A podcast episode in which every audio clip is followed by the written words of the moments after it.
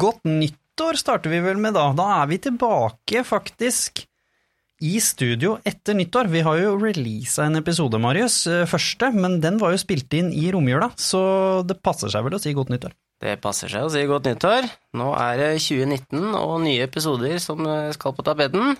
Det er det, og i dag skal vi snakke om noe så spennende og sjeldent å snakke om som døden, kreft og det å leve med det, både som pårørende og rett og slett som personen selv, ikke minst. Fordi vi er så heldige at vi har med oss Ida her i dag. Og du, du har jo faktisk Hva er det vi kaller det nå? Du har din egen uhelbredelige livmorhalskreft, står det på Instagram-kontoen din, som heter rett og slett da Kreft uten filter. Ikke sant? Mm -hmm. Og hvor du da, så vidt vi ble jo veldig betatt og fan når du fulgte med på Simens episode mm. og lika kontoen vår, så gikk vi inn og så ble vi helt uh, satt ut, fordi du har rett og slett da lever livet ditt med denne uhelbredelige livmorhalskreften, og uten filter, som du sier. Både de vonde dagene og de gode dagene, men med en sånn positiv spirit over hele kontoen. Og Derfor så er det en glede å ha deg med i dag. Og du har jo nå også delt intervjuet ditt med The Human Aspect, som kommer ja. til å komme ut Kommer nok etter denne podkasten, men du har kjørt dobbel i dag, du. Rett og slett. Ja, det har vært veldig, veldig gøy, egentlig. Veldig spennende og skummelt. men det har vært nytt og gøy. Nytt og gøy. Ja. Ikke minst, du er 25 år. Du fikk, eh, du fikk diagnosen når du var bare 23, og det i seg selv statistisk sett, som vi skal høre Rebekka snakke om om noen, noen, minutter, er jo veldig, veldig uvanlig. Mm. Så hvordan, hvordan, var det egentlig? Nei, altså jeg hadde jo en liten mistanke om at jeg hadde livmorhalskreft før jeg fikk vite det. Men uh, altså det å få beskjeden, det er sånn Det er jo ingen som vil ha den beskjeden, så det var jo selvfølgelig tøft. Og jeg gikk jo på en måte i et sånt lite sjokk. Så rett og slett bare kjempetøft. Så, mm. Og Marius, hva er ditt uh, forhold til dagens tema? Hvis du kan begynne med kreft, da, så kan du hoppe inn på møte med døden. Det har du jo vært litt tettere på enn de fleste av oss, men, men med kreft, hva er forholdet ditt til det? Jeg tror jeg har et uh, sånn type forhold som egentlig veldig mange mennesker har. Jeg tror de fleste kjenner noen, og etter hvert som man lever livet, så ender man jo gjerne opp med å kjenne noen ganske godt som får det. Um, I mitt tilfelle så har jeg jo, jeg har jo generasjonen over meg. Det er jo Mormor mista jeg jo i fjor til kreft. Um, og, og, jeg tror som sagt at de fleste har noen relasjoner og får særlig kreft veldig tett innpå seg. Det, er liksom, det har jo vært en, uh, vært en fæl sykdom uh, så lenge jeg kan huske at jeg visste hva sykdommer var. Så er det noe som er kjempeskummelt, men også er veldig nært, da. Det er mitt forhold til det, egentlig. Det er vel lov å si at det er et av de skumleste ordene i verden. Vi snakka litt om det i intervjuet ditt i stad, når jeg intervjua deg. Så bare ordet gir jo frysninger på ryggen for de fleste av oss. sant? Det gjør jo det.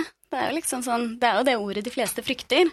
Og det er, sånn, det er så mye kraft i det ordet som kreft, det høres jo bare Altså, kreft er jo for mange døden. Det er jo det. Mm. Så, og det skjønner jeg godt at mange tenker. Fordi at det er egentlig det man husker som man hører om det, det er liksom kreft og at folk dør. Ja.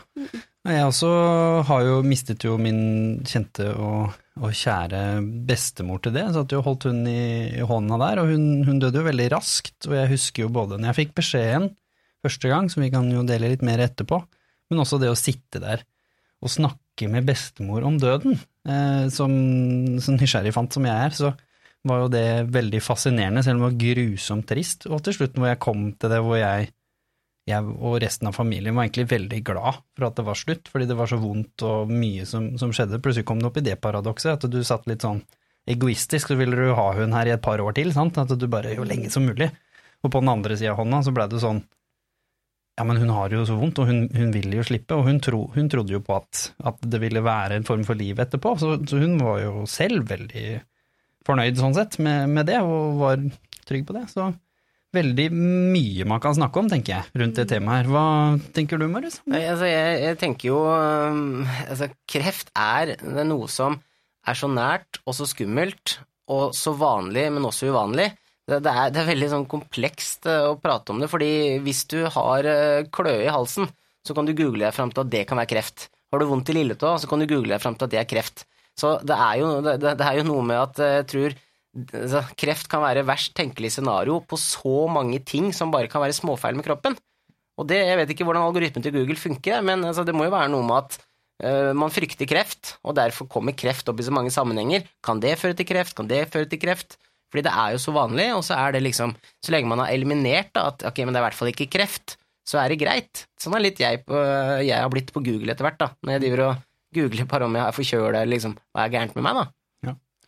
Nei, absolutt, og så ikke minst jeg også husker jo, som jeg fortalte deg i stad på intervjuet også, jeg har jo hatt dette i familien. Mamma hadde da en godarta versjon. Det gikk jo heldigvis bra med mamma. Bestemor døde, og hadde flere andre bestemoren min døde av det. Altså liksom vært genetisk sett kanskje litt rigga for det, da. Mm. Og søsteren min er under på en måte passer på overvåkning og sånn i forhold til livmorhalskreft, hun òg. Flink og sjekker seg, som du er så flink til å pushe for. Sant? Mm. Men når jeg fikk da beskjed om at jeg hadde da celle, celleutvikling som ble testa, og den testen ble tatt, så var det en uke hvor man skal vente på resultatet. Og du ringer ikke mora di og sier Hei, mamma, du, eh, kanskje jeg har kreft? Forsvar om ei uke? Ja, fin kveld, da. Og jeg var jo Singapore i tillegg, så jeg kunne jo ikke liksom ta det face to face. Så da går du og venter på det aleine. Og mm. du, jeg var jo som jeg heldig, da, og fikk jo svaret at det var godarta, jeg kunne ta en operasjon, og så var vi ferdig snakka, så var ikke det noe å bekymre seg for lenger. Mens du fikk jo den andre beskjeden. Mm. Men du hadde jo gått med denne mistanken kjempelenge, så hvordan Og han nevnte jo Google i stad, du var jo ivrig bruker av Google. Hvordan ja. var prosessen fram til svaret kom? Nei, altså jeg begynte jo å mistenke at jeg hadde det i eh, ja, oktober 2015, eh, blir det vel. Og da googla jeg litt og ja, kom vel fram til at det kan være det òg. For da hadde jo egentlig veldig mange av de symptomene. Uh, og så ja, veit jeg, jeg la det litt til side, egentlig. Uh, det var mye som skjedde på den tida. Faren min fikk jo hjerneslag, og da begynte jeg å tenke sånn, for da begynte jo det å blø mye mer òg, som er et av de største ja, symptomene på livmorhalskreft, da. Og da begynte jeg å tenke sånn, nei, nå er jeg stressa, for nå er det så mye nytt som skjer. Uh, og så kommer desember, da er det jul og nyttår, og da skal jeg egentlig bare kose meg. Og januar, da er jo fortsatt plagene der, og da begynner jeg å ta det på alvor. Så um, da er det først til legen, og der får jeg da vite at uh, nei da, jeg er for ung for å få den her type kreft som jeg har gått rundt og vært redd for. Og det er jo selvfølgelig deilig å få høre det. Det er liksom sånn Da er det jo Yes, nå har jeg på en måte Har jeg den bekymringa ute, da. Men den slapp på en måte aldri heller. Jeg var ikke helt 100% trygg på at eh, det var sant. Så ja, da fikk jeg noen piller som skulle stoppe blødninger. Funka ikke. Var tilbake to uker seinere og fikk nye p-piller. Det funka jo heller ikke.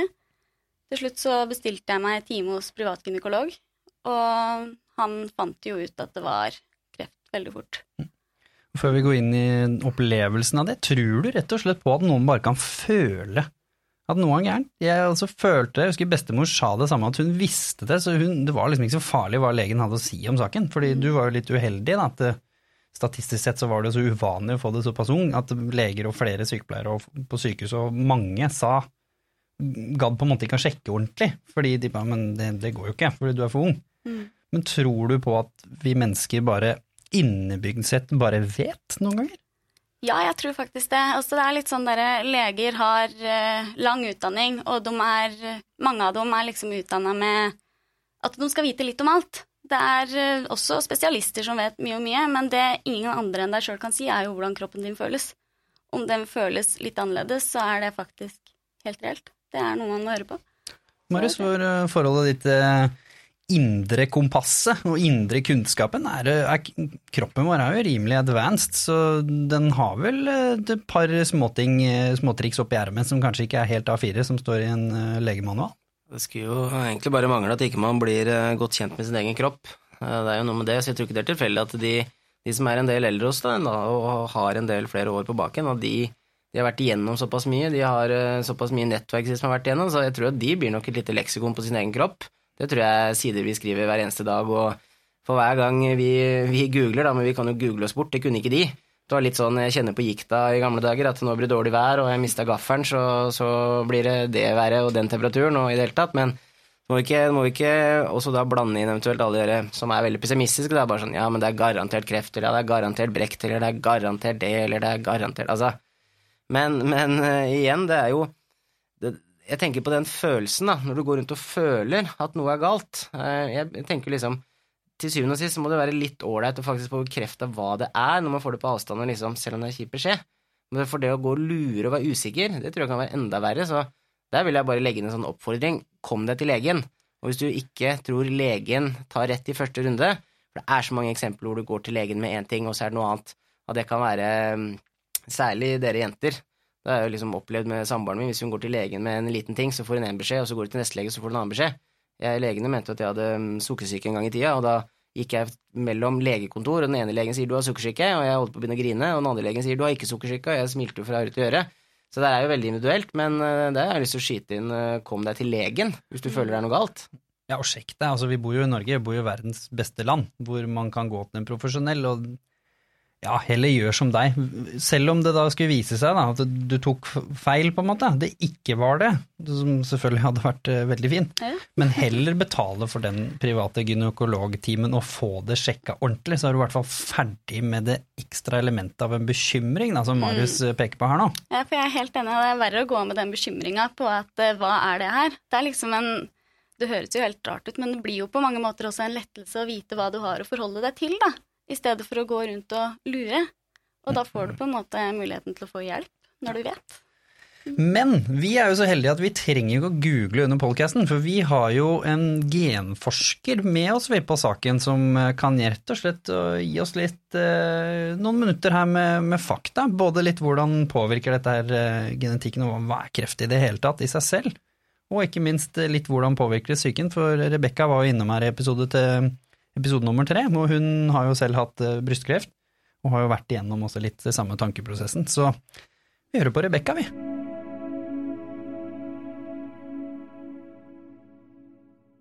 Og vi har jo med oss også en ekspert på dette temaet her, eh, som er kreft i dag. Og ikke minst vi har jo med oss Ida, som, som snakker om da livmorhalskreft. Men det er jo mange typer kreft, og for de som ikke helt forstår hva kreft er for noe, Rebekka, hva, hva er kreft egentlig? Altså Hvis man ser på det rent sånn, jeg underviser jo medisinstudenter på første året, eh, og da pleier jeg å si at eh, altså, kreft er jo egentlig det man eh, får når du får ukontrollert cellevekst. Altså Vanligvis er jo kroppen vår sånn at når to celler møter hverandre, sånn på huden, så stopper de opp sånn at vi liksom ikke får en klump. Men når du får ukontrollert selvvekst, så, så, så, har de liksom ingen grenser. Altså de, de kladder seg oppå hverandre, og så får du rett og slett denne kreftsvulsten som man ofte snakker om. Eh, og så er det en del ting inni selveste kreftcellen. Altså jeg pleier det er nesten som en sånn speeda celle, liksom, som har drukket for mye eller tatt ecstasy, og alt går helt kaos, og alle avgjørelser om hva en naturlig celle skal gjøre, den, den går amok. Eh, så det er liksom ukontrollert selvvekst. Og det skjer ofte sånn at eh, vanligvis så har vi et immunsystem som skal gjenkjenne en celle som holder på å bli en kreftcelle, men hvis vi for eksempel eh, opplever store traumatiske ting, eller andre ting som skjer i livet, sykdom eller hva det måtte være, så er det slik at, at immunsystemet til slutt blir så sliten at det ikke orker å slå varsel at her er det en kreftcelle, og så får den kreftcellen lov å herje litt fritt, og så lage disse kreftsvulstene, og så er vi i gang med en kreftdiagnose. Mm. Fordi det jeg har hørt en gang, var at kreft er den mest vanlige formen at naturlig død skjer rundt. Altså, det var ja, veldig dårlig altså, formulert, men at gamle mennesker som dør, egentlig dør av kreft. Ja, altså kreft er jo en form som moder natur har sørget for at vi på et eller annet tidspunkt skal forlate jordas overflate. Uh, og du kan si uh, det er noe av det som gjør at for eksempel når man skal eh, Altså jeg har jo jobbet mye i det man kaller life science-området, og jobbet mye med å få investorer til å investere i forskning, og ikke minst kreftforskning. Og da er det én sånn form, noe som heter telomerer, altså noe som beskytter eh, kromosomene og DNA-et vårt. Eh, og i en kreftcelle så, så, kan de på en måte gå litt sånn amok, de også. Så noen ganger når man snakker om liksom morgendagens kreftvaksine, så handler det om at man på en måte prøver å hindre at det, altså de feilene som skjer, kan skje så lett som det gjør. Og det er typiske feil som skjer når vi blir eldre. Så du kan si hvis vi alle blir kjempegamle, så vil vi på et tidspunkt eh, dø av kreft. Og hvis man ser på det rent sånn medisinsk, sånn, sånn faglig, så opplever vi egentlig å få kreftceller nesten hver dag, alle sammen. Fordi når vi er ute i sollyset og får UV, og til og med føflekkene er jo egentlig kan, si, begynnelsen på noe som kan bli en kreftcelle. Men når vi er unge, så har vi fantastiske reparasjonssystemer. Altså til og med hvis vi får eh, feil i DNA-et vårt som kan føre til en kreftcelle, så har vi sånn klippe- og limemekanismer som reparerer dette her. Eh, og det er litt sånn som når når vi er unge og gamle, når vi er unge, så fungerer bilen, når bilen er ny, så fungerer den kjempebra. Etter hvert så blir den litt rusten og gammel, og, og ting begynner å dette fra.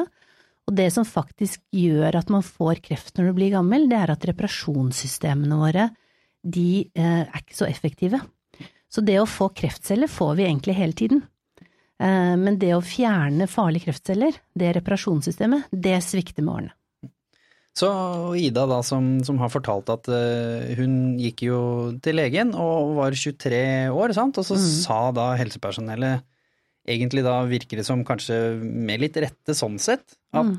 nei, det er du for ung til, på en måte, fordi du skal jo ha dette reparasjonssystemet i, i orden. Men, mm. men, hva er det da som skjer med alle disse unge menneskene da, som er såpass uheldige og opplever kreft? Så det, som, det som er særlig sånn med også Ida sin historie, det er jo dette her med at Sånn som når jeg snakker om reparasjonssystemer og kreft og med sollys og sånne ting, så er jo det på en måte en, del av det å være en del med, av naturen og sollyset og sånne ting, hvor vi har reparasjonssystemer. Men så har vi alle disse virusene, vet du. Ikke sant? Det er sånn til og med når man noen ganger snakker om hvordan døde dinosaurene, kanskje de egentlig fikk en virusinfeksjon, og det var ikke noe meteoritt som tok dem.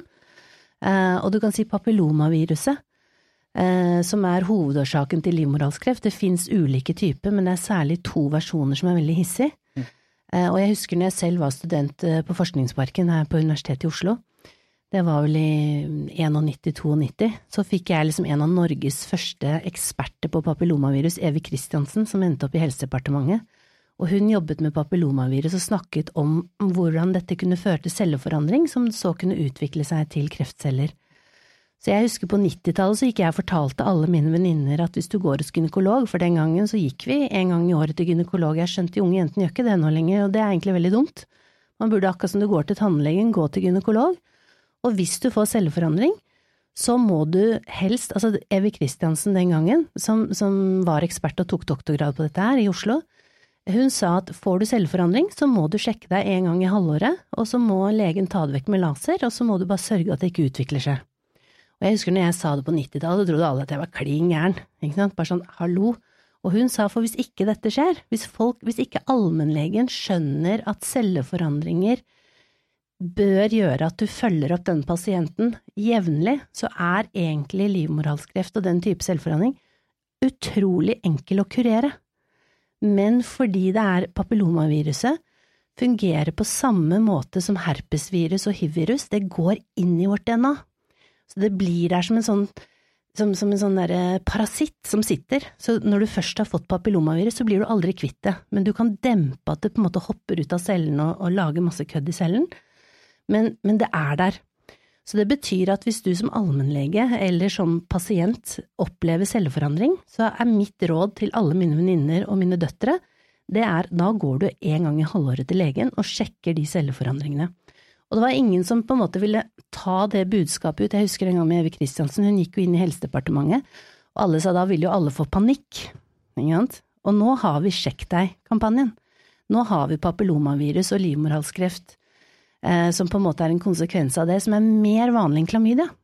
Og Det er jo derfor Ida har startet denne altså kreft uten filter-profilen, ja. rett og slett. Selv om hun har strengt tatt andre ting å, å, tenke på, sånn sett. Men nå har hun jo sagt at det også gir henne en motivasjon til å leve videre. Men siste, siste, biten fra eksperten, før vi på en måte går over til mm. Idas uh, live videre erfaringer, det er hva gjør det å ha kreft herjende rundt i kroppen og det å gå igjennom cellegift med hodet? Hva gjør det å være så ekstremt redusert fysisk? Altså det, det som skjer, altså jeg er jo selv en, en tidligere kreftpasient, det er at det å, være, det å ha kreft gjør at du på en måte aldri blir kurert, så til og med Kreftforeningen sier jo ikke at du blir kurert, de sier at du er kreftrammet, eh, enten du går gjennom en medisinsk behandling eller det er 20 år siden du hadde kreft. Fordi det alle vi som har hatt kreft er redde for, det er å få tilbakefall. Eh, Og det når du går gjennom cellegift eller strålebehandling, så er det jo slik at eh, du dreper kreftcellene, men eh, det man har gjort, og som i hvert fall var veldig vanlig for noen år siden, det er at da, da tar du liksom, da tar du skikkelig i. Og det betyr at veldig mange av de cellene dine som er friske, de blir tatt med i det suget, dragsuget. Så når du tar kreftcellen, så tar du også de friske nei, de friske, normale cellene i kroppen din. Og det er det som ofte er hovedårsaken til at så å si alle kreftpasienter som har vært gjennom strålebehandling og kreftbehandling, får det man kaller fatigue, som på folkemunne er bedre å kalle utbrenthet. Jeg har jo selv vært leder på et kreftsenter, eh, og det som er viktig er å si til alle som er, jeg, får eh, medisinsk kreftbehandling, det er at du vil bli så sliten fordi de gode cellene dine som ikke er syke, de får den samme tøffe behandlingen av cellegift og strålebehandling. Og det er klart at når du da blir så sliten, når du i tillegg egentlig er livredd kanskje for å dø, eh, så gjør dette noe med deg mentalt. Så det er jo noe av det som er grunnen til at flere internasjonale kreftsentre rundt omkring i verden også bruker dette her med mental trening. Eh, og rett og slett, hva skal jeg si, fysiske øvelser som vi er vant til at toppidrettsøvere har, for å motvirke den effekten. Så har du sånne flotte folk som professor Rune Blomhoff og Sigbjørn Smeland, som er kreftklinikksjef her i Oslo, og som, som også har gitt ut en del bøker, hvor jeg har vært redaktør, faktisk. Eh, og det er at du kan også, når du ikke eh, får cellegift og strålebehandling, så kan du for eksempel spise veldig sunn sånn antioxidant eh. Men det at den effekten som de grønnsakene med alle antioksidantene har, det, det mange ikke vet, er at når du er under selve behandlingen, under cellegift og strålebehandling, da skal du ikke spise de sunne grønnsakene.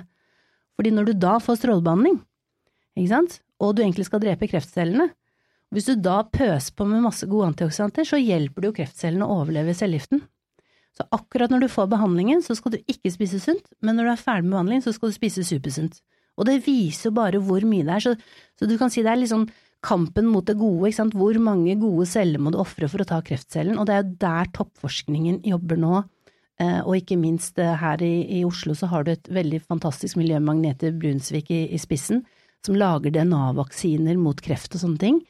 Og det er rett og slett at du ønsker, altså alle som jobber innen kreftforskning, ønsker å bare drepe kreftcellene og minst mulig friske celler, for når du, de friske cellene blir med dragsuget, så blir man dødssliten. Tusen hjertelig takk, Rebekka, for eh, fantastisk innsikt. Der lærte jeg eh, veldig mye. Og ikke minst, vi sier jo at vi skal ta livet av litt myter. Jeg tror faktisk vi tok eh, livet av en liten uvitenhetsmyte om ikke Ja. at du skal spise usunt når vi tar liv av kreftcellen, Og så sunt etterpå når den er død. og før. Ja. Så er du frisk, så skal du i hvert fall spise sunt. Ja. Veldig bra. Tusen hjertelig. Du kommer selvfølgelig tilbake på en eller annen episode senere. Veldig hyggelig å være gleder Og gleder oss. Til å, å høre mer fra Ida, rett og slett, og Marius, og meg. Ja.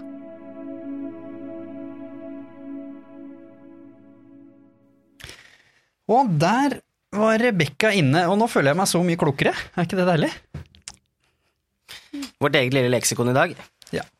Men la oss gå litt eh, tilbake til eh, din historie, Ida. Fordi du, når du snakka med oss i The Human Aspect, så sa du at det var ikke kreften som var svaret på hva har vært ditt livs tøffeste utfordring. Det var faktisk det å måtte fortelle det til noen andre, og litt den med rett og slett dårlig samvittighet med at du er på en måte Jack the Ripper som, som går rundt her og strør eh, dårlig stemning, rett og slett. Og så kan ikke du fortelle kan ikke du kjøre litt human aspect version og fortelle litt hvordan det faktisk var da, eh, for deg å måtte få beskjeden og, og dele den med de første du måtte dele med? Ja, altså det å få beskjeden er på en måte Det, det er jo kjempetøft. Jeg gikk jo, som jeg gikk jo rett i et sjokk, som jeg sa. Men når du da får beskjeden at du må ringe noen, du må få noen til å komme og være med deg Jeg fikk jo beskjed om å ringe mamma av gynekologen. Og jeg visste jo ikke hva jeg skulle si. Jeg satt der og lenge med mobilen i hånda og bare Hva sier jeg til mamma? Så jeg måtte til slutt spørre han. Og da sa han det at du må bare si at eh, hun må komme. Så det gjorde. Jeg ringte til mamma, fikk hun til å komme. Og jeg sa vel ingenting fram til hun kom, det tok vel ti minutter. Og det første jeg da sier til mamma, er bare at eh, de tror jeg har kreft.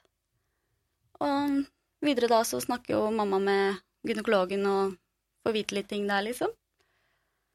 Så da er det hjem til pappa og forteller til han at har kreft, rett og slett. Han var jo dårlig i seg sjøl, og det blei bare ekstra sterkt på mange måter at uh, når han var der på sitt også kanskje svakeste, da, at dattera hans på 23 år kommer hjem og sier at det har kreft, og vi veit jo ikke hva som står foran oss, eller noen ting.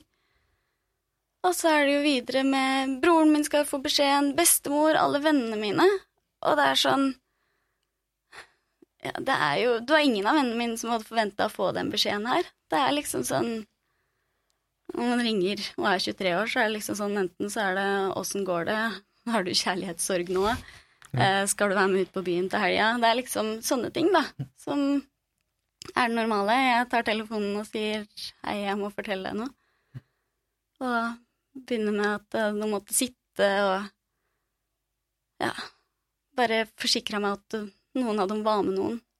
For det var ikke noe god beskjed jeg kom med.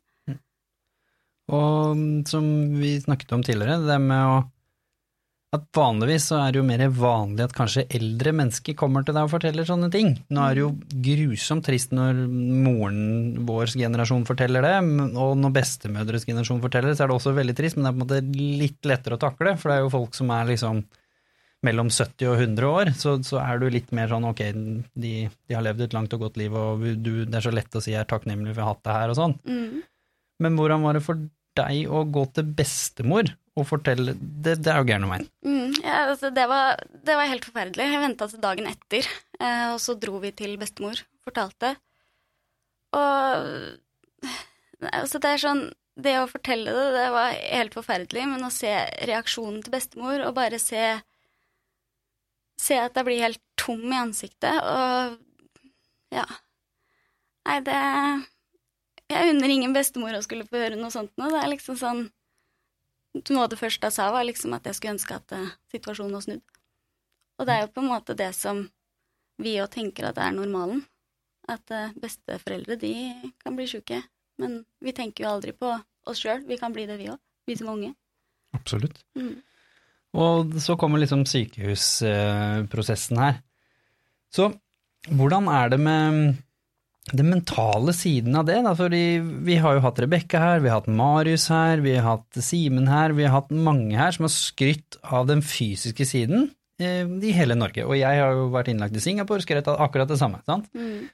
Rikshospitalet er et av de beste kreftsykehusene i, i verden. Og så kommer man til det aspektet, men, men hvordan er det å være der, mentalt sett? Hvordan var det når du plutselig liksom måtte ligge der alene, da? For du, du var jo så heldig å ha med, ha med, mamma lenge, men mora di kan jo ikke bo der. På et eller annet tidspunkt så måtte jo hun ta seg en liten en runde hjem og hente noen rene klær eller et eller annet, på en måte. Nei, altså, det skjedde jo at mamma dro og jeg skulle være helt alene. Det skjedde én gang. Og det er Det var så tøft. Det var liksom det var greit at jeg var 23 år, men når du ligger der med en sånn sykdom, så er du plutselig ja, Du er den lille jenta som er helt avhengig av mamma, du er helt avhengig av de rundt deg, og at du har en trygghet. Og mamma var min trygghet. Så Nei, det, det var så tøft. Og jeg, ja, jeg fortalte jo det på intervju tidligere òg, at jeg fikk jo en beskjed den dagen at uh, det var noe feil med strålinga fordi at jeg hadde gått ned så mye vekt. Og beskjeden var egentlig bare at jeg måtte ta ny CT. Men uh, jeg tolka jo det som at uh, nå funker ikke strålinga, nå er det noe skikkelig galt, nå må vi finne nye planer. Det var liksom litt sånn jeg tolka det, og det er liksom sånn Hadde mamma vært der, så er jeg helt sikker på at da hadde jeg fått det med meg på en annen måte. For da hadde jeg tryggheten i at hun var der òg. Men Nei, det var bare ordentlig hardt, rett og slett, å bare måtte få en sånn beskjed når jeg ikke er i mine fulle fem og ja.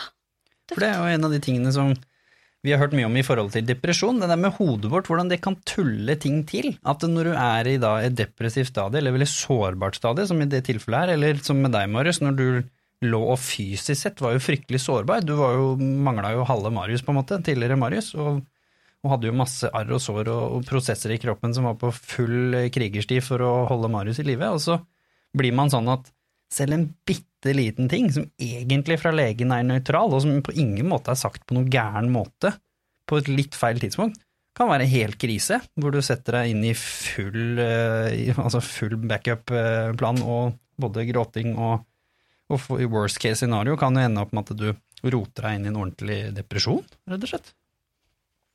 Jeg gikk jo fullstendig i forsvarsmodus bare fordi de skulle mest sannsynlig gi meg noe mat i maskina bak meg. Og det er bare for at eh, jeg lå der og hadde tillitsbrudd. Så jeg stolte jo ikke på noen, jeg stolte jo på, på, egne venner. Da kunne jeg i hvert fall ikke stole på sykehusansatte. Så jeg ble jo helt umulig, jeg, og skulle begynne å dytte sykepleierne unna med beina, og det var ikke måte på, liksom. Men, men det er vi tilbake på, på det vi prata om eh, i, i, episoden med, med Rebekka, da. Om at det er så individuelt, og, og For jeg tror i sånne stadier, da, når man er hardt skada eller man tar imot eh, beskjeder Nå fikk jo jeg beskjed om hva jeg hadde vært igjennom, at det kom til å gå bra. Så det er jo litt annen vinkling, men jeg tror det da er så individuelt fordi du er i noen stadier hvor du kanskje vil være aleine, men du har lyst til å bestemme selv når du vil være aleine. Du har lyst til å på en måte dytte folk unna når du selv vil det. Når du da ikke kan kontrollere det, eller du er sårbar. altså Det er jo ikke sikkert du visste i det hele tatt at de beskjedene kom til å komme den dagen. Altså Mest sannsynlig så gjorde du ikke det, da, nå nikker du. Så da, eh, igjen, sant, så det er sånn Akkurat den dagen, hvorfor skal, hvorfor skal de komme med den beskjeden da? Og der igjen er det sånn, ja, selvfølgelig, man skal gi beskjed til, til, pasienten så raskt som mulig, og de har rutiner på at jeg skal gjøre sånn og sånn, og kanskje det er en lege som gjør det, eller en, i hvert fall en, en fagperson da, som er gått iscenesatt i, i det. Men igjen så er det noe med det at kanskje man skulle vente da, til dagen etterpå, kanskje mor var tilbake, eller i det hele tatt. Så vi er igjen på litt sånn at det er liksom ikke noe fasit, og det er så vanskelig å vite. Ingen hadde visst da om, om, om du kanskje ville vært aleine den dagen, om du ville ha hjelp, altså, eller ha en nærhet. da, så det er sånn det er, det er, så vanskelig, da. Er vi tilbake på noe så enkelt som at vi ikke snakker om ting igjen? Altså sånn at det, det er så vanskelig for oss å bare få sagt det, på en måte. At, at, at du rett og slett da kunne liksom sagt en dag der, du, nå, nå, reiser mamma hjem for første gang, så på en måte hvis det er noen som helst beskjeder eller noe som kommer i dag som ikke er life threatening, så, så tar vi det gjerne i morgen, eller på torsdag, når mamma er tilbake, liksom. Fordi det er jo etterpåklokskapen som snakker, selvfølgelig, men hvorfor er det så fryktelig vanskelig for oss, da? Å bare si det, vet du hva, akkurat nå Dårlig stemning, ikke besøk, ikke lyst på noen beskjeder. Nå trenger dere egentlig ikke å snakke med meg i det hele tatt, hvis ikke det er livsnødvendig. Men det kan, hende du, det kan hende du sier det også fordi du er furten. Det er flere parametere her. Altså, det er ikke sikkert du mener det. Det kan godt hende du sier at 'jeg vil være aleine', men så er det ikke det du vil. Det er bare å tenke seg til eh, så mange situasjoner man har vært igjennom, eller kanskje det er andre som Altså, nei, gå vekk, og så vil du jo ikke. Eller altså, du vil jo ikke at personen skal gå bort. Du er bare furten, eller du er irrasjonell, eller du bare det bobler over der og da. Så det er jo liksom et element, at liksom det er jo vanskelig å lese. Så der, der skjønner jeg liksom at sykehuspersonellet kan slite litt, da.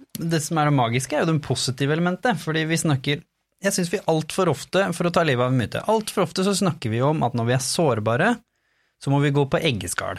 Da må vi være forsiktige, og så skylder vi gjerne litt på at nå er sykehuspersonellet klarer ikke å lese det, og, og tjo hei. Men det er jo også helt motsatt òg. Det er jo da hvor en bitte liten positiv ting er jo hele verden. Altså, jeg husker når jeg lå på sykehuset i, i Singapore, og den ene sykepleieren kom inn og tulla og dro en, liksom en, en joke om at Oi, nei, du var, for, du var, litt for, lang for senga, for her er vi i Singapore, så her har vi bare sånne korte senger, så jeg tror faktisk du må gå deg en liten tur nå, så må vi se om vi får lagt inn en sånn bordplate nederst der, fordi beina mine vippa utover kanten. Så holdt jeg på å daue, hadde på å le meg i hjel, så var det plutselig sånn, egentlig en sånn dårlig spøk, fordi jeg var så fryktelig sårbar, jeg trengte sånn å le, jeg var bare et eller annet flåsete, så holdt jeg på å svime av av latter. Og den ene vennen min som kom på overraskelsesbesøk, og tok med faktisk, av alle ting, tok med en tegneserieblad, så var jo det bare Jeg begynte jo nesten å gråte, bare fordi at jeg fikk overraskelsesbesøk. Så det går jo motsatt òg, ikke sant? Mm. Sånn, eh, du hadde jo noen opplevelser du òg, på, på, hva som faktisk eh, en sykepleier som egentlig Det står jo ikke Du lærer ikke det på sykepleierskolen. Nei. Vi ikke det. Jeg hadde en sykepleier som var Hun var vel året yngre enn meg, og vi gikk veldig godt sammen, egentlig. Og ja, var i Oslo, og Ida fra Gjøvik hadde lyst til å prøve Foodora, er det ikke det det heter? Ja. Det er det det heter. Så ja, jeg hadde jo ikke matlyst og noen ting, men uh, hun kommer da inn på sparkesykkel, og ja, vi leker litt Foodora på sjukehuset, og det er liksom bare sånn derre Nei, jeg syns det er så fint at det er eh, sånne sykepleiere der. Ikke sant? Og, og det er jo Er ikke det bare common sense, på en måte? Fordi det store spørsmålet her blir jo skal vi endre utdanninger i disse tingene? For vi, snakket jo om i episode tre sykehus og mental helse. Og da kommer vi vel egentlig fram til at konklusjonen er at det er ikke nødvendig at de gjør noe gærent sånn som det er nå. Det, her snakker vi at vi må egentlig i grunnskolen for å heller bare lære folk å bry seg og tenke selv og begynne å snakke med hverandre om ting. Fordi vi kan ikke ha liksom et eget kapittel som heter morsomme pranks til folk som har det ille, liksom, på, på sykepleierskolen. Jeg tror ikke det hadde funka så bra, for det, som du sier, alt er jo individuelt. Hvis en sykepleier som ikke er typen, hadde plutselig kommet på sparkesykkel, så kunne det vært negativt, på en måte. Det var jo sikkert fordi det var hun. Ja, og så er det sånn Jeg var jo positivt, og jeg syntes jo ting var gøy. Jeg hadde jo fortsatt humoren min. Så, men eh, det hadde vel kanskje vært litt feil hvis noen av dem eh, hadde kommet inn sånn, ja. Det kan jeg tenke meg. Jeg tror vi trenger, trenger det mangfoldet som er på sykehus. da. Det er jo ikke noe fasit på hvordan en lege eller en sykepleier er. Og jeg tenker det at eh, Hvis man sier sånn, favoriserer en sykepleier eller en lege, eller ja, han var kul, eller hun var rå, eller hun var et tak i, eller Så er jo det gjerne på grunnlag av at uh, lista er lagt på ett nivå, og så er det noen som er til høyre, og så er det noen som er til venstre, og så matcher du bedre der, og så plutselig er det deilig med en seriøs den ene dagen, og så kanskje galgenhumor dagen etterpå. Men jeg har lyst til å, til å approache Eh, noe jeg syns er veldig relevant i forhold til kreft. Og det er eh, Kan vi prate om hvor forbaska urettferdig det kan være, og hvor tilfeldig det kan virke, og hvem det rammer, og Altså, jeg tror det er den sykdommen menneskeheten har vært mest sint på. Rammer ikke bare gode folk av det, tror jeg. Ja, men det er jo, det er jo litt den den man gjerne drar, da. At det, selvfølgelig det er de beste som går først, og altså Det er jo noen forsvarsmekanismer oppi dette her, men det er jo faktisk Det er jo faktisk fryktelig urettferdig. Altså, jeg blir sint når jeg det, hører ordet Men jeg hører ordet kreft, så blir jeg sint. Ja, det blir jeg jo det, eh, fordi vi har mista masse gode folk, som du sier. Det er så nært. Var du sint? Ida? Um, altså, jeg var jo Jeg veit ikke om jeg kan kalle det sint. Jeg var bare sånn Eller jeg var kanskje sint, da? Irritert? Jeg veit ikke. Urettferdig. Ja, det er urettferdig på mange måter. Og så er det sånn Nei, altså det verste jeg har hatt med det, det var på radiumen. Og så ser jeg en som kanskje er to-tre år, liten gutt som sykler på en sånn sykkel mens han får cellegift. Helt skalla og ser kjempesjuk ut. Og det er liksom sånn Nei, det, det syns jeg var skikkelig fint, men samtidig så ble jeg skikkelig lei meg av å se det. Det er lov å bli sinna da. Ja, og det er sånn, sånn Hva har han gjort for at eh, det her skal skje? Ingenting. Og så har du kanskje da en uh, halvkriminell, hardt liv, uh, sigga i 60 år, stå på røykebalkongen på, på Riksen eller Radiumen og, og, så, og bli frisk. Og så kan vi begynne å prate om karma da, den lille si åtte-niåringen. Altså, som knapt vet hva karma er. Da, da faller jo hele elementet karma bort. Som er sånn, Det føler jeg at karma er sånn basic, det kan vi eh, egentlig legge veldig mye av livet vårt på. Gjør godt mot andre, så får du godt tilbake igjen. Da har vi også tatt noe fra Bibelen. Men i hvert fall karma også liksom nå, nå, ja, men, men, men jeg mener liksom, Der ryker hele aspekteret med karma. Det, det er der statistikken går rett vest. Hvorfor skal nettopp du, eller nettopp du og nettopp den få kreft? Og hvorfor skal prognosene være så forskjellige? Og bare sånn, Har vi spist annerledes? Er det planlagt fra vi blir født? Er det genene våre? Er det arv? Er det miljø? Altså, Hvor er det det kommer inn i bildet? Har jeg fortjent det? Har jeg gjort noe? Har jeg sagt noe stygt? Har jeg mobba noen? Altså, du kan dra det langt, er da. vel at du, du, du får jo ikke noe svar på det. Jeg husker første gang jeg ble eksponert for det der, var at eh, en nabo faktisk, på bygda der hvor jeg bodde, han drev med motorsport og gokart og sånn. Og Så spurte han liksom om jeg ville være med og jobbe med noe frivillig på Riksen, og da hadde de faktisk tatt hele den ene etasjen på parkeringsplassen på Riksen, og så hadde de leid inn gokarts, hvor da de hardest ramma på kreftavdelingen på Riksen fikk lov å komme ned og kjøre gokart. Dette er jo folk som egentlig bare venter på, venter på å dø, de fleste av de. Så det var litt sånn Det var, var helt krise når den ene ungen er fælt å le av, men når den ene ungen var kanskje var kanskje tolv år, da.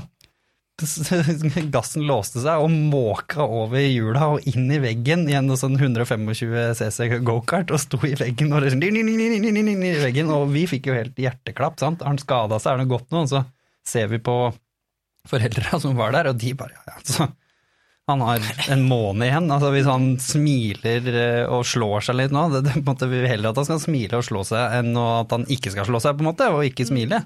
Fordi i noen få minutter så var de barna som var der, de hadde ikke kreft. Det var ingen som syntes synd på dem, og det var ingen som liksom putta puter under armene på dem. Men du fikk lov å kjøre en 125 cc gokart, som går i liksom 60 km, vi blokka den jo, men den går egentlig over 100 km i timen. Og så 60 km i timen, og de fleste hadde jo ikke kjørt gokart før. Så det øyeblikket der, for de lyste i øya til de unga. Og jeg husker jeg sto og så på det der.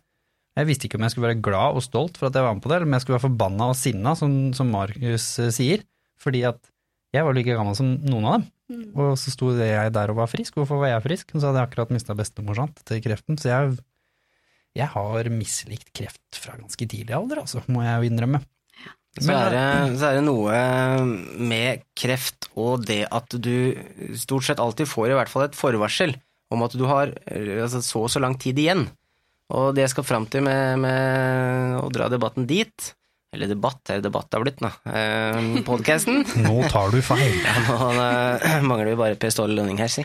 Eh, nei, eh, det, det jeg skal fram til er eh, min erfaring med det å oppleve at man er nær døden, det er jo at det skjer såpass raskt. Og jeg husker selv at jeg var superstressa, og eh, jeg var engstelig for at jeg kan ikke bare stikke uten å si noe. Det å bare forlate jorda sånn, eller altså forlate alt rundt meg, og liksom ikke kunne si adjø, si fra at jeg er skada, fortelle om hva som har skjedd, alle de tingene der. Men så tenker jeg at når jeg har fått det på avstand, da, så, ble blir jeg litt sånn Om det hadde vært så veldig mye bedre å kunne forberede folk, altså si hvis man må forberede folk et år fram i tid, eller noen måneder altså, jeg, liksom, jeg vet ikke helt hva, hva altså, Det er nok ikke noe svar på hva som er best eller dårligst der. Vi har jo liksom en egen kategori i The Human Aspect som heter pårørende. Og hvor veldig mange av dem er jo typiske da folk som har mistet folk til kreft. Eksempel eh, Marte, da, som er en stor eh, daglig leder i et stort designfirma i Oslo. Som hennes tøffeste utfordring var å miste mannen hennes. Og det var veldig ambivalent, sant. Hun beskriver jo da en fantastisk periode på slutten der, hvor de som familie har bestemt seg for at nå skal vi leve til vi ikke lever mer, på en måte. Og han også kjempet seg jo langt forbi prognosen i noen år, før det da på en måte til slutt eh, tok slutt. Men også da den enorme påkjenningen det er på henne, som mamma, å skulle vite at snart så er barna pappaløs. Eller snart så er du brorløs eller søsterløs eller barneløs eller barnebarnløs, som er en helt absurd tanke å slå huet sitt rundt. Det sies jo at ingen foreldre skal oppleve det. Thomas, en av de mest sterkeste intervjuene vi har hatt, som hadde en 13-åring som hadde blodkreft, like me, sa jo det. There's nothing that prepares you for that kind of grief. Det er, det er ikke normalt. Vi er, mennesker er ikke lagd for at barna våre skal dø før oss. Det, bare er, det går mot naturen. det. Det bare hører ikke hjemme. sånn. Så jeg vil jo absolutt nesten påstå at eh, det er ikke nødvendigvis noe positivt rundt det. Har du, har du noen gang hatt noen så tøffe åpne samtaler med moren og faren din eller med bestemor eller noe sånt om akkurat det? Om døden, liksom? Ja. Um, altså, vi har egentlig Altså, jeg har jo alltid hatt den der innstillinga om at uh, Ja, egentlig så driter jeg litt i hva legen har sagt, fordi at jeg har lyst til å klare det her, og jeg er nesten litt overbevist på at jeg skal klare det her. Så jeg har levd litt på den. Og det syns jeg du skal. Ja, jeg liker det veldig godt. Men Kan vi ikke ta en sånn liten recap? Altså, nå har jo Jimmy fått eh, full innføring i forbindelse med intervjuet, og Markus Lydmann her har sikkert fått med seg, men jeg tenker liksom sånn Status på den nå? Hva er det legen har sagt? Hva er status? Hva kan du gjøre? Er det noe de gjør? Hvordan, hvordan funker dette for, for lytterne våre? Altså, akkurat nå så er det Vet du, jeg skal faktisk inn på en kontroll nå 11. januar. Så jeg er litt sånn der, eh, gruer meg litt til å få svar på hva jeg får vite der. For nå, sist gang så Ja, det har jo vært en berg-og-dal-bane, akkurat det der. Men øh, jeg fikk jo da den uhelbredelige kreften. Fikk en cellegift som skulle holde den i sjakk. Den klarte faktisk å minske litt på svulsten, noe som tydeligvis egentlig ikke skulle være mulig. Så allerede der så har jeg vært gjennom første steget på å være sånn vidunderkvinnen Ida, som jeg liker å kalle meg. Uh, og ja, så var jeg tilbake igjen nå, og det har klart å da holde seg, holde seg greit, tror jeg. Og var inne og tok en CT nå i desember, som jeg da får svar på i januar. Og da får jeg vite litt mer hva som skjer videre der igjen, da. Så akkurat nå så er jeg veldig uvitende om hva som skjer med meg. Hva er det legene, legene sier, da, og hva, hva er det de håper på?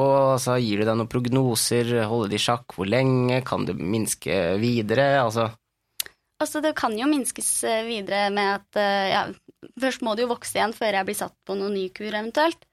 Men eh, det med hvor lenge jeg har igjen og sånt, det er noe jeg egentlig ikke har lyst til å vite. Har det noe å si? Altså, jeg snakka med en av de mest erfarne på Riksen. Her snakker vi om liksom fagmannens fagmann. ikke sant? Det er denne personen som er sånn, skal gjerne ha fem publiserte forskningsrapporter for å hevde at noe stemmer og ikke stemmer. sant? Så spurte jeg han litt det spørsmålet, sånn, hva tror du om det her? Er dette liksom ren forskning? Hva tror du om livet liksom etter døden, på en måte? Da? Sånn litt rundt det. Og han, han sa jeg skal gi deg et eksempel sånn. På den tøffeste avdelingen hos oss, hvor egentlig folk bare kommer for å dø på en hyggelig måte, strengt talt, så har jeg sett folk gå inn med prognoser som er sånn du er død, ferdig snakka. Og så har de gått ut igjen, kreftfri. Og så sa han, så har jeg sett andre gå inn på andre deler eh, på Riksen her, som liksom er der hvor du går til behandling og sånn, men hvor prognosene er kjempegode, og så har de dødd. Og så sa han, det eneste jeg kan trekke ut alle de, han som 40 år eller noe sånt jobba der, er at de som er positive, og som nekter å akseptere at dette stemmer, der er det noen som klarer seg. Og de som kommer inn som egentlig har ganske gode prognoser, men som gjør dette til verdens undergang, der kan det hende at det blir mørkt, uansett hvor gode prognosene er. Du har jo vært eksepsjonelt positiv. Du aksepterte vel ikke Du har vel ikke akseptert det ennå? Du skal jo være venninnekvinnen Ida. Hvor, hvor viktig har det vært for der du er nå? Jeg tror det på mange måter er helt avgjørende at jeg klarte å ha den tankegangen, og at jeg klarte å holde på den. Og det er jeg veldig glad for, for det er absolutt ikke noe selvfølge jeg har fått med meg. Så, men det er sånn For at jeg skal klare å holde på det nå, så tror jeg det er kjempeviktig at jeg har, har de rundt meg som jeg har. Og det, det er minst like viktig som den positive innstillinga. For uten noen så er ikke den der. Nei, akkurat, ja. Mhm. Du var jo til og med åpen om det. Du, jeg introduserte deg jo her som en ganske kjent Instagram-profil som heter Kreft uten filter. Hvorfor, eh, hvorfor valgte du å gjøre det? Det er jo en ekstra påkjenning, vil kanskje mange hevde, og i dagens verden, sosiale medieverden, så kan mange mistenke alle mulige rare ting for hvorfor folk gjør det, men hvorfor gjorde du det? Altså, jeg har veldig mange grunner for hvorfor jeg gjorde det, men det var sånn Jeg har lyst til at folk skal åpne øya sine, at uh, unge folk kan faktisk også bli sjuke. Eh, og det å ha en sykdom, det trenger ikke nødvendigvis å gå rundt og være en stakkars, som mange faktisk tror. Og stakkars er faktisk det styggeste ordet jeg veit om. når vi skal... Det er vel ingen som liker stakkars. Hvis folk sier det, så blir jeg lei meg. Mm. Ja, og så rett og slett få folk til å sjekke seg, få folk til å åpne øya sine. Eh, Veldig mye sånn, rett og slett, at jeg har lyst til å kunne hjelpe andre. Nå, jeg får på en måte ikke gjort meg sjøl kreftfri ved å snakke, men jeg kan hjelpe ganske mange andre med å slippe å komme i den situasjonen her. Har ikke du allerede gjort det? Jo, jeg har visst det, og det er, eh, det er skikkelig gøy. Er Hvis noen kunne sett hvor blid hun blei nå i et lite sekund, så tror jeg det hadde vært ganske morsomt å se. Det kan dere faktisk se i intervjuet vårt hvor hun også nevner det, men det er, som, det er jo noe av magien med å holde på med det som, som man gjør når man ønsker å gi tilbake gjennom andres eller sine egne historier, er jo litt det at så lenge det hjelper én, da. Vi hadde en stor CEO i Ukraina som vi intervjua, så spurte vi han etterpå hvorfor delte du historien din, for den var ganske personlig, ganske tøff, og Ukraina er jo mest kjent for det landet hvor mannfolk kanskje åpner seg mest, da, sånn rent stereotypt sett. Og så sa han at det er veldig skummelt, fordi alle i selskapet mitt kommer til å få vite om det. Han har jo ganske høy stjerne, og venner og familie selvfølgelig kommer til å få vite om det.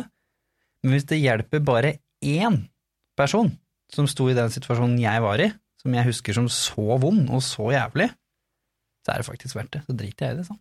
Rett og slett. Er det litt sånn? Det er litt sånn, altså det er sånn der, jeg veit jo hvor hardt det her kan være på mange måter. Og det er sånn der, bare å få fått i hvert fall én ut av den situasjonen, er kjempegodt. Det er sånn der, Man føler seg litt sånn helt. Det er litt digg. Du er helt. Marius, du, dette er jo yrket ditt etter det som skjedde. Du kunne jo valgt å bare la det gli pent over, og så kommer du en eller annen Trump eller en annen eh, gjøk som gjør at eh, Marius og halloween-drapet er glemt. Hvorfor valgte du å faktisk bruke dette til noe positivt, sånn at du kan inspirere alle de ungdommene og ende opp med å lage hverdagssyken?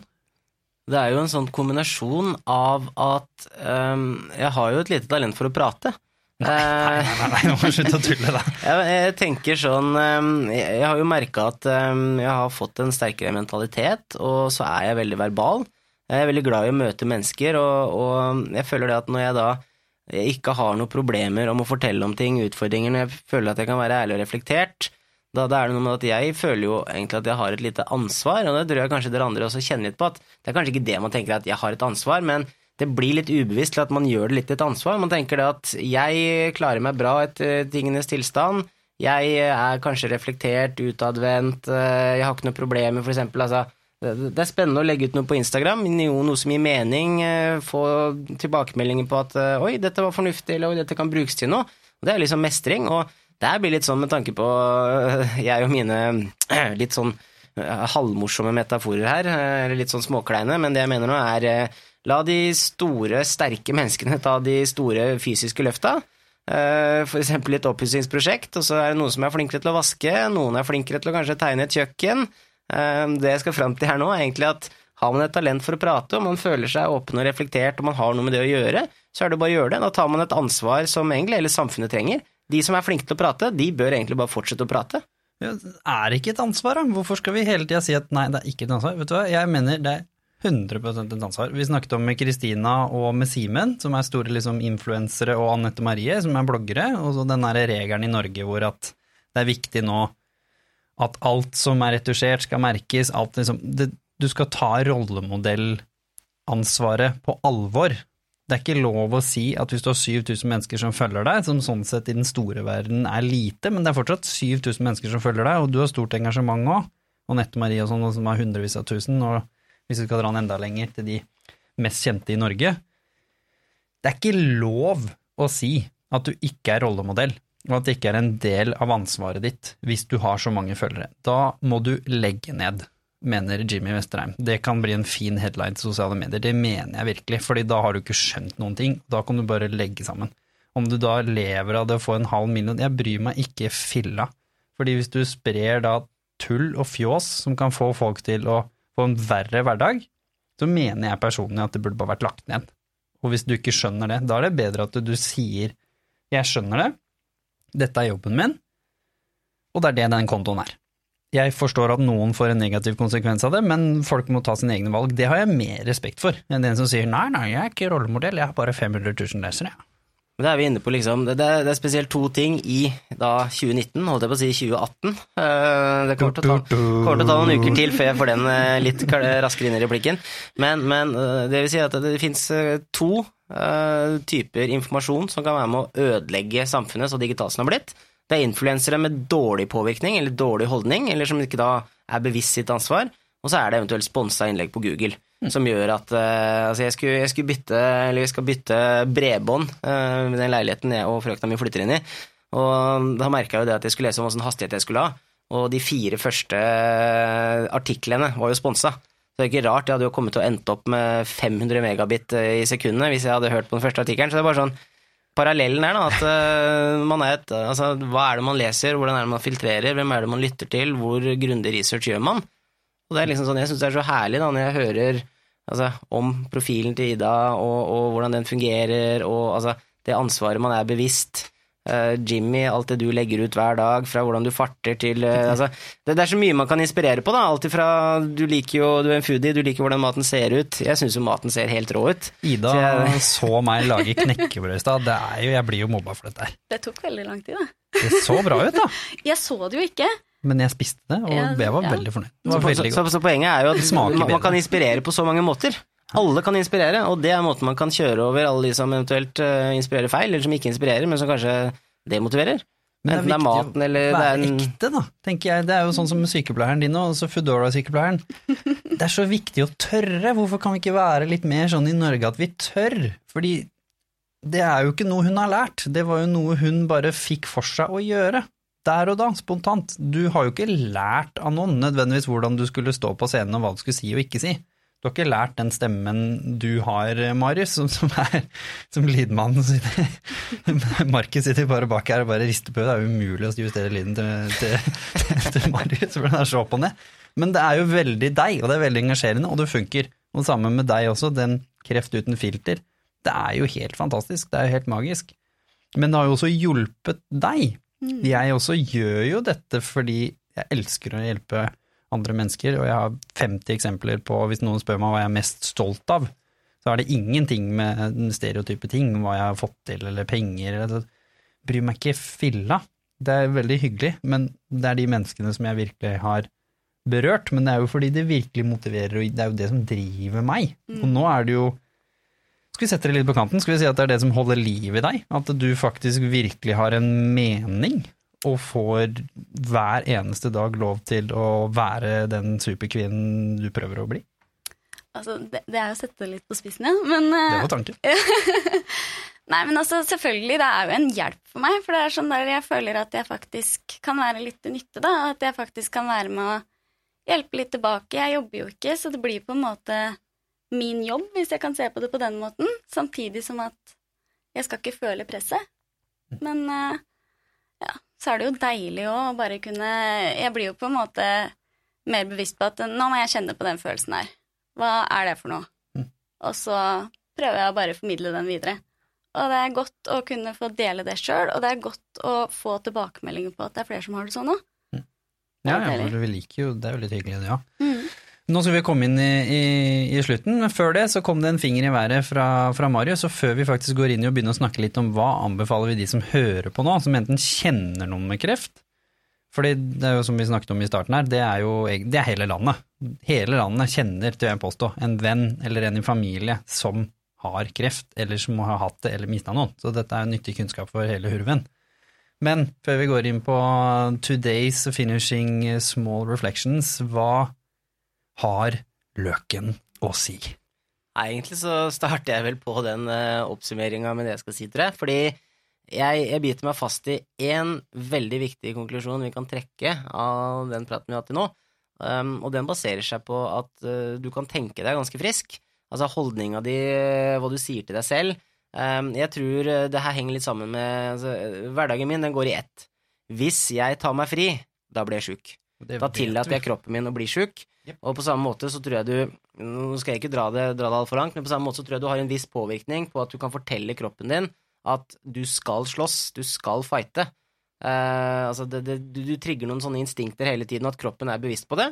Det tror jeg, det tror jeg faktisk betyr uh, mer enn som så, og der kom ikke sant, eksempelet ditt med, med han du kjente, Jimmy, med at de som har en positiv holdning, de tenker seg litt friskere. Og, og, og det er kanskje det aller viktigste jeg trekker ut av den praten vi har hatt i dag, at du kan faktisk tenke deg mye friskere, du kan tenke deg til å holde ting i sjakk, du kan i hvert fall nekte å gi deg, da, i det minste. Hvis du blir sjuk. Hvis du blir syk, og det var derfor, men også før du blir syk. Det er viktig å være positiv før, for du var jo innom de som kanskje alltid tror de har kreft hver gang de er eh, forkjøla, på en måte.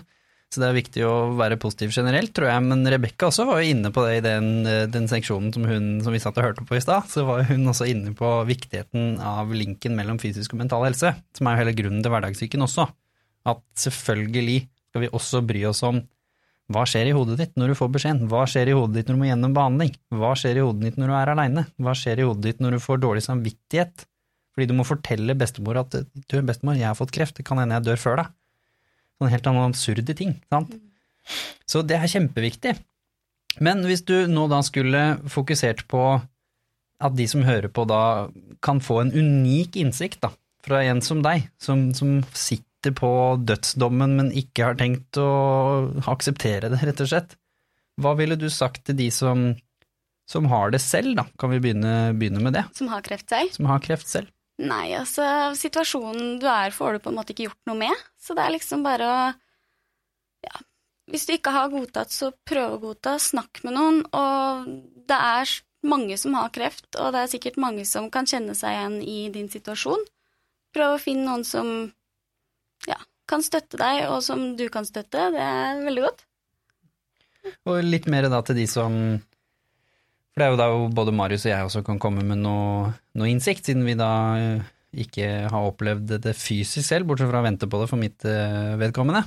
Hva ville du sagt til de rundt, da? For du sitter jo på en helt unik innsikt i hva som har hjulpet deg underveis, som kan være gode tanker. Ja, altså, Den beste tanken jeg har, det er liksom sånn Den håper jeg alle får. At eh, jeg er så bra. Jeg kunne bare ønske at alle bare fikk inn det i hodet sitt at uh, du er så bra som person som du er fra før av. Du trenger ingen andres godkjenning enn din egen. Og eh, litt sånne ting. At man bare får trøkka det inn i hodet sitt hvis man får til det. Og hvordan skal man være en god pårørende? Altså de rundt, familie og venner og sånn, hva er det som kan hjelpe? For du har jo skrytt veldig av de rundt deg, så hva, hva, hva kan liksom være den ekstra støtten du trenger, da, selv om du er positiv sjøl, så, så, det jo, så trenger vi andre. Det har vi blitt enige om her på Hverdagssyken. Du skal ikke sose rundt igjennom livet aleine, det er bare tull. Du har åpnet seg og spør om hjelp, og ta den imot. Ja, så det viktigste som du gjør til en person som er sjuk, da, det er at du fortsetter å behandle den personen som den personen ja, som den personen er. Den har fått en sjukdom, og det må snakkes om, det er også veldig viktig. Men det er også viktig å slutte den samtalen og gå over til helt vanlige ting, ellers så er det plutselig bare sjukdom. Så å finne den lille balansen, den kan være vanskelig for noen og enkel for andre. Men jeg tror det er viktig å bare komme inn på den, at eh, den personen er fortsatt den samme sjøl om hun har fått en sjukdom, og prøve det. Nei, jeg faller tilbake på det tipset om å én, tenke positivt eh, før du blir syk. Fortsett å tenke positivt uansett eh, hvordan syk du blir, når du blir syk osv. Uh, jeg likte godt det du sa med, med at man kan ikke bare prate om sykdom.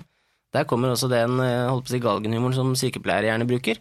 De er i triste omgivelser, de er nødt for å balansere det, de er nødt for å kunne le litt. Altså, det er latter forlenger livet, det er noe i det også. Er det mye kjipt, så kanskje man skal sette seg ned og bare se en komedie. Kanskje det, det holder. Det å være pårørende, det handler like mye om å bare hva skal jeg si, prøve og feile, for man har jo ikke noe mer trening i det enn den som står midt i det og, og kanskje er syk.